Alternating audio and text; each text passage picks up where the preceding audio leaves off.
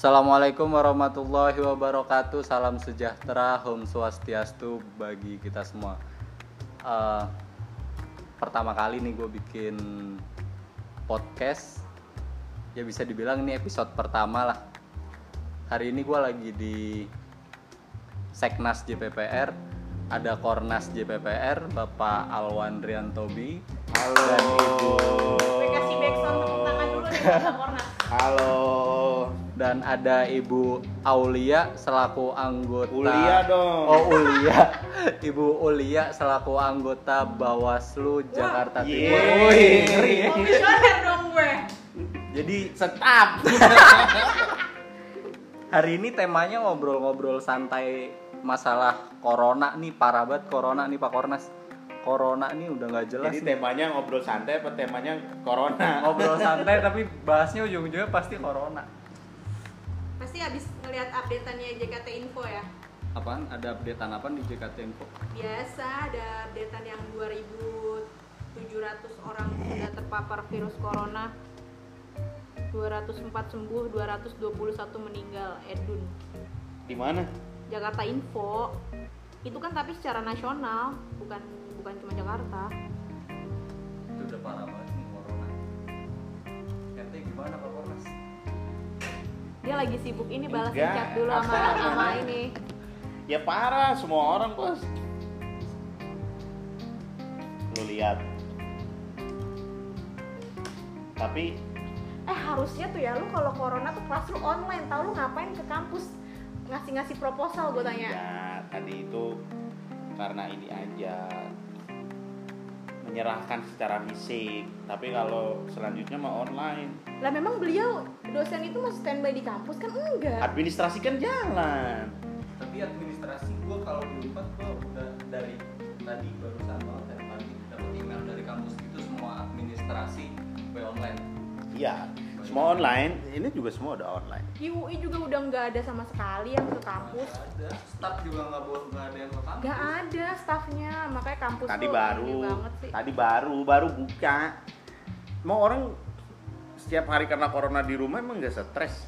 bukan tapi Stres, kan Bos. orang itu kan biasanya kalau dari kampus itu kenapa di kampus dibubarkan itu kan karena alasan berkerumulnya ke kampus itu nah Iya, kan tadi juga nggak berkerumun. Emang datang juga nggak boleh bergerombolan. Tapi kan lu udah nggak kuliah. Terus kuliah lo masih ada-ada angkatan di bawah itu masih masih kuliah pakai online apa pakai apa? Kalau gue sih emang nggak ada yang ulang. Anjir mengulang apa lagi coba? Nggak ada yang ulang. Emang nggak ada kuliah lagi. Gue cuma tesis doang. S2 kalau pulang bego banget sih asli. Bukan. gue nggak ada yang pulang, gue sebego-begonya. Iya. Tapi bos, tapi bos, gue mau ngomong begitu di teman sekelas gue kan gak enak gue ya kan. Lebih ke banget lo begitu masih ngulang aja lo. Nah, ada tahu. masih mending ada yang ngulang begitu, tapi maksudnya jurusannya tuh nggak linear bisa. Ini S1-nya ilmu politik, S2-nya ilmu politik, mata kuliah pemikiran politik ulang lagi kan bego. ekonomi gitu ya. tapi ya gue S2 merasanya kayak kuliahnya kayak formalitas sama kayak kuliah S1 Ih masa sih? Gue kok beda ya S2 ya? Kalau gue gak menurut gue kayak otak gue dipres banget kuliah S2. iya, Iya. tetap sama kayak gitunya cuma tetap aja kayak formalitasnya kayak misalkan tugas nih Hmm. walaupun tugas lu jelek atau gimana nih kalau misalkan ngumpulin tugas walaupun jelek nih pasti nanti dapat ini ya dapat nilai Nilai belas kasih sayang ya? iya gak bakalan ngulang walaupun segini gue paling jelek nilai gue B PK gue 3,5 Di UNAS masih ada kayak Sama, gue begitu. juga B paling jelek. Dosen-dosen yang killer tuh masih ada. Eh tapi memang di, di UI juga C nggak lulus cuy, C ngulang. B itu nilai terendah. C itu ngulang. Gue BEMIN aja ngulang. Gue nggak ada bemin. gue nggak ada alhamdulillah Jadi B C itu tuh emang udah ngulang, itu udah udah wajib. Iya lah nggak ada. Eh gitu. gue baca di baru hari ini gue baca berita karena semuanya kan pada online online ya. Kan Indonesia kayaknya memang belum pada wisuda sih semenjak ini wisuda. Kalau di UI sendiri kan ter bulan Agustus ya. Itu tuh gue nggak tahu sih akan diadakan wisuda apa enggak tapi di Jepang gue baca berita wisudanya ini dong virtual. Jadi dia pakai robot. Nah robotnya itu dipakein toga. Di robot robot Jepang kan memang canggih-canggih ya. Dipakein toga robotnya. Di muka robotnya itu ada layar tab gitu isinya eh, mahasiswanya jadi eh, ini rektornya nih rektornya di depan rektornya terus habis itu robotnya.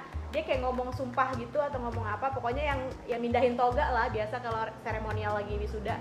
Itu saking nggak boleh berkerumunnya dan harus melaksanakan wisuda. Tapi gue rasa ntar di Indonesia juga paling ada juga kayak gitu kali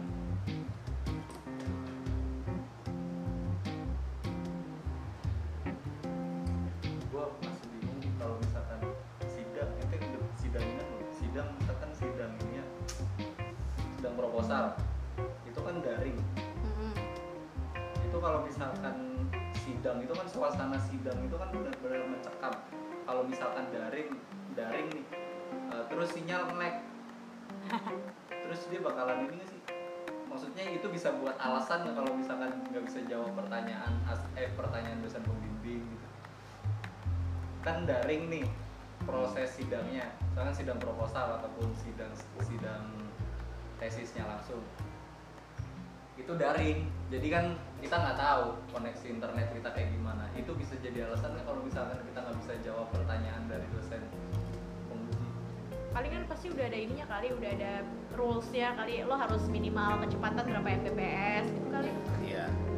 Ya paling gampang mah kalau daring itu ya kan kita nggak ketemu kan.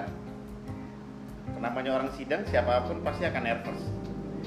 Karena nggak bertatap muka minimal mengurangi rasa takut ya kan. Masuk ruangan itu kan orang jadi takut. Ini kan ya gue di depan laptop, ngeliat muka lu cuma di dalam laptop doang. Ya, jadi nggak takut juga. iya sih benar Kalau pertanyaan-pertanyaan begitu pasti bos. jadi Kayak- sebenarnya digitalisasi tuh kayak seolah semua kegiatan lu tuh mengarah kepada kegiatan masa depan gak sih cuy kayak apa apa dilakukan secara online lu lihat aja nih lembaga negara. Taruhlah KPU Bawaslu misalnya. Selama covid dia raker rakor koordinasi semua kan pakai online kan? Emang bener sih jadi aktivitas masa depan hemat biaya hemat anggaran hmm. ya kan? Hmm. kita mau presentasi juga kan kedengeran. Di situ bisa melibatkan misal kita konfres media bisa gabung siapa aja bisa ikut. Tanpa harus bayar eh, tempat bayar bayar konsumsi tempat konsumsi. segala macam hemat biaya sebenarnya. Tapi memang kelemah ada kelemahannya bahwa pendalaman dalam apa penyampaian itu akhirnya tidak terlalu men- apa ya tidak terlalu ngena lah. Ya, tapi ya. tapi menurut gua tetap aja. Kalau mau mengkonfirmasi kan kayak orang kita konferensi selesai konferensi udah. Selesai, selesai itu kan mau doorstop bahwa wartawan kalau mau pendalaman ya tinggal aja telepon langsung aja ke narasumber yang dituju kan. Oh ngeri. Bapak pengalaman ya habis konferensi dapat wawancara ya pak ya? Biasanya begitu. Nggak ini tapi gue lu sering nonton ini nggak? Video-video konspirasi konspirasi virus buatan I- iya. oh, bener bener bener. kayak, kayak apa film namanya? kali gue nggak nontonnya video sih film. Bukan ini yang di YouTube. YouTube ini kan banyak nih sekarang konspirasi konspirasi setiap wabah apa segala macam pasti konspirasi konspirasi kayak gitu ada ini covid bikinan Amerika lah ini covid senjata biologis Cina lah segala macam jadi kalau misalkan disangkut-sangkut pautin sama kehidupan yang tiba-tiba harus serba online segala macam kayak gini kayak nyambungnya gitu kalau misalkan ini emang benar-benar senjata biologis biar manusia itu nonton film-film sci-fi gitu loh. ah, ya. jadi masa depan manusia itu udah dirancang dari sekarang buat siap menghadapi dunia virtual. Nggak harus langsung ketemu nggak harus apa namanya hubungan ke masyarakat ketemu langsung itu nggak usah. Jadi semuanya by virtual by internet. Jadi benar-benar kayak negara kayak perlahan-lahan tuh ngancur-ngancurin negara-negara apa namanya sosial sosialisme. Kayak negara Korea Utara, Rusia itu kan mereka jauh dari globalisasi. Mereka benar-benar menutup di menutup negara mereka dari dunia luar karena kalau menurut eh, apa namanya apa sih kalau sosialisme kapital apa namanya Marxist eh, PKI komunis.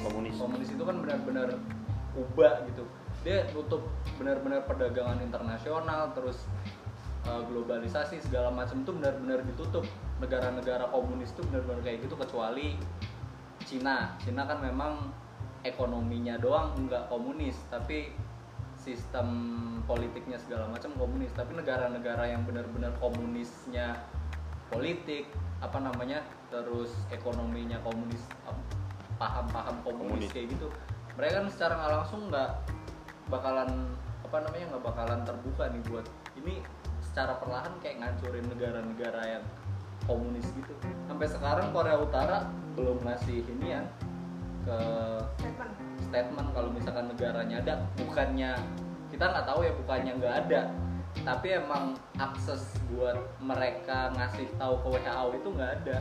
Mereka nggak ngasih informasi segala tapi macam. dia si Kim Jong Un itu dia kekayaannya banyak. Dia kalau datang ke lagi negara-negara apa hubungan bilateral ke negara lain mereka pakai fasilitas-fasilitas yang modern tau? Pernah nonton Jong Un si presidennya Korut Korut. itu namanya tau gak itu kalau yang perang-perang biologis itu kalau di militer namanya perang asimetris loh ya gue dikasih tau bokap gue ngobrol bokap gue. Tapi sebenarnya nggak nggak terlalu ngeh itu kalau di ini loh itu kan bagian dari eh, materinya anak-anak yang kuliah di ketahanan nasional. Perang asimetris. Tapi gua tuh ngelihat kayak kasus pertama kali di Indonesia di Depok kan ya kan? Pertama kali Indonesia mengumumkan bahwa ada warga negaranya positif COVID itu kan pertama kali diumumkan oleh presiden. Nah yang bersangkutan diumumkan COVID itu tidak ada di rumah bos. Dan dia juga menurut pengakuannya selama sebelum ada pengumuman dia tidak pernah juga diperiksa oleh dokter eh yang menyatakan dia positif adalah presiden. Sama Kemenkes kan? Sama Kemenkes. Ah. jedah beberapa jam kemudian wali kota Depok dengan kepala dinas kesehatannya ngumumin semua big datanya itu langsung keluar tuh. Rumahnya di sini perumahannya ini alamatnya ini bla bla bla bla bla bla. Orangnya tidak ada di rumah bos. Nah ini kan kebetulan kan ada tetangganya Mbak Anis Mbak Anis itu ininya mi- migran camp. Nah jadi kayak menurut gue tuh satu kayak aneh juga. Kecuali orang yang diumumkan itu dia posisi benar-benar di rumah sakit dan dia sudah menangani ya sebelum diumumkan dia sudah orang dalam pantauan orang dalam pengawasan misal baru dinyatakan positif misal ini nggak ada kok jangan-jangan kan dia tertularnya kan sama orang Jepang. Jadi seolah-olah karena dia berinteraksi sama orang Jepang itu, gue juga nggak ikutin sih yang eh, kasus 01. Seolah-olah karena iya dia udah 0102 itu bos seolah-olah karena dia udah interaksi sama si orang Jepang ini dia dianggap positif karena si orang Jepang ini positif. iya tapi maksud gua kok dalam waktu yang itu langsung big datanya keluar data namanya RT RW ada perumahan ini anaknya ini bla bla. langsung diumbar tak. Itu kan yang nyebarin ini yang wali kotanya iya wali kota. Iya maksud gua. Yang ngumumin presiden. Wali kota langsung buka data tak. Presiden kan cuma ngumumin. Bahwa ne- ada warga Ada. negara yang positif di Depok. Warga. Jadi kayak Tapi menurut gue di Depok tuh ih enggak lah ya. Pasti tuh pertama tuh di Jakarta sih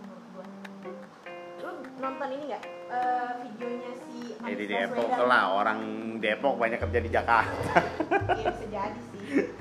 Videonya si Deddy Kobuzier sama Anies Baswedan yang di yang YouTube oh iya yang YouTube-nya yang interview kan. Nah, Itu tuh sebenarnya tuh si Anies Baswedan tuh emang udah worry di awal-awal kalau misalkan pasti tuh di Indonesia tuh ada, cuman kan nggak eh, sampai dari Januari tuh sebenarnya dia udah wanti-wanti, cuma ternyata baru dikabarkan kan bulan Maret. Selama di videonya itu ya penuturan si Anies Baswedan ya selama bulan dua bulan itu tuh doi itu koordinasi sama orang-orang di Jakarta kayak sama orang-orang bea cukai sama Dukcapil entah sama siapa. Ta- tapi ternyata Anies tuh gak dapet gak dapet data siapa aja orang-orang Cina yang yang apa namanya yang udah ke Indonesia segala macem gitu. Kalau menurut gue sih logikanya pasti tuh di Jakarta dulu sih yang kena pasti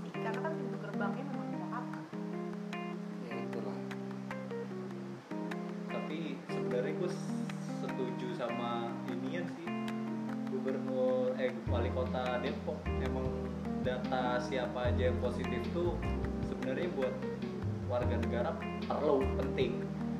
Siapa aja yang kena? 2007 berapa? 2700 ya? 2700 tuh penting sebenarnya. Misalkan kita nggak ada yang tahu kan orang itu oh ini si ini kita pernah ketemu sama dia. Enggaknya kan kita nggak tahu. Kalau misalkan pas kita pernah ketemu sama dia kita nggak sadar kita tanpa dikasih tahu terus apa namanya gue masih penasaran tuh yang positif positif masuk ke rumah sakit. Itu prosesnya mereka pas dinyatakan positif tuh dihimbau buat ngubungin orang-orang buat apa namanya ngubungin atau ngasih data orang-orang yang pernah komunikasi sama dia atau enggak selama dia itu kayaknya keinian keinian pribadi deh. Jadi kalau misalkan lo berbaik hati lo akan ngomong sama teman-teman komunitas lo bahwasanya eh gue positif. Coba yang pernah berinteraksi sama gue selama dua minggu atau satu minggu terakhir coba cek isolasi misalkan minimal isolasi tapi Ya. kalau misalkan dia nggak ngasih tahu nggak ada strategi dari rumah sakit atau pemerintah dia nggak menghimbau yang positif positif itu buat ngasih tahu ke teman-temannya eh kemarin kita habis ketemu gua positif nih segala macam harusnya kayak gitu bahaya juga kalau misalkan Oke kayak gue dikontak sama media-media yang ini nih, yang TV nih, media-media masa TV begitu. Kalau mau jadi narsum, itu lo harus bersedia ngisi formulir 14 hari belakangan itu lo ke mana aja, lo kontak sama siapa aja. Kayaknya kita jadi males ngisinya kan. Kan mendingan gue nggak jadi narsum dah daripada gue itu gitu. tindakan preventif Iya lah, iya, maksud gue bener, maksud gue iya benar. Cuman kan orang jadi males ya kan. Kan gue gini. gue jadi harus inget-inget lagi dua Iya, minggu belakang 14 Tapi, hari cuy, dan harus ngisi satu-satu ya. Iya bener, bener. Gue enggak. Gue punya teman teman gue kerja di rumah sak kerja di puskesmas dan itu dia itu kayaknya memang udah tanda-tanda positif. Nah dia nggak jujur bro. Ketika diinterview sama orang petugas medis dia nggak jujur selama 14 hari. Ya mungkin lah oke dia lupa mungkin. Tapi setidaknya dia selain selagi lupa itu pasti kan adalah hal-hal yang masih dia ingat lah beberapa tempat yang dia Iya. kunjungin. Tapi banyak kasus yang dia tuh nggak jujur. Kayak misalnya lu ke mana aja? Enggak saya nggak ke mana-mana lomba pada ya lu nggak mungkin lah nggak ke mana-mana kepapar pasti kan ada paparan ada interaksi sama orang lain. Nah ketidakjujuran itulah yang akhirnya bikin orang lain sengsara. Itu nah itu kan makanya sih mungkin pihak-pihak media atau pihak-pihak yang undang lo buat talk show atau buat jadi inter- eh, narasumber itu kan ya mereka berpikir itu. Jangan sampai yang yang positif lo tapi akibatnya yang nanggung bukan cuma lo tapi orang lain. Bahayanya kan itu. Ngeri nggak tuh? Sama kayak ini ya yang wali kota Bogor sama Arya Karawang. Bima heeh.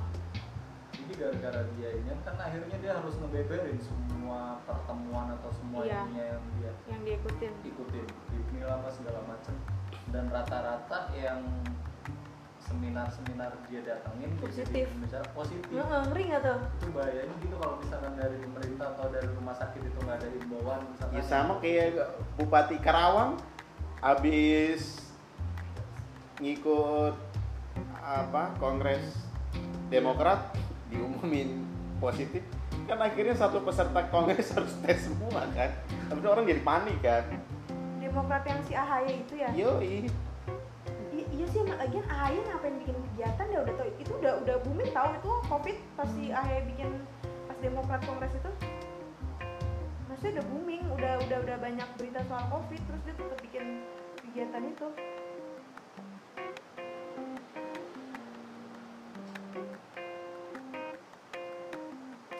ya begitulah bos.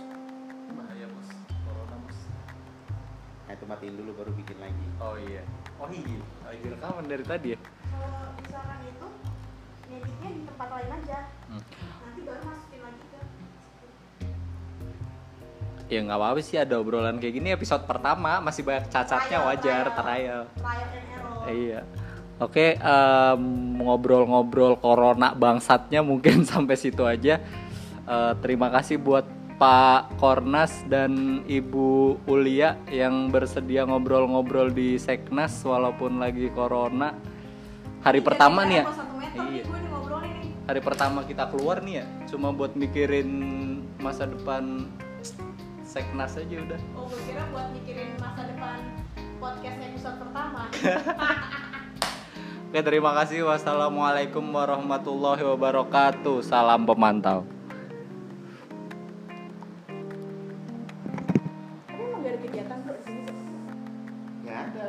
kita bikin konten online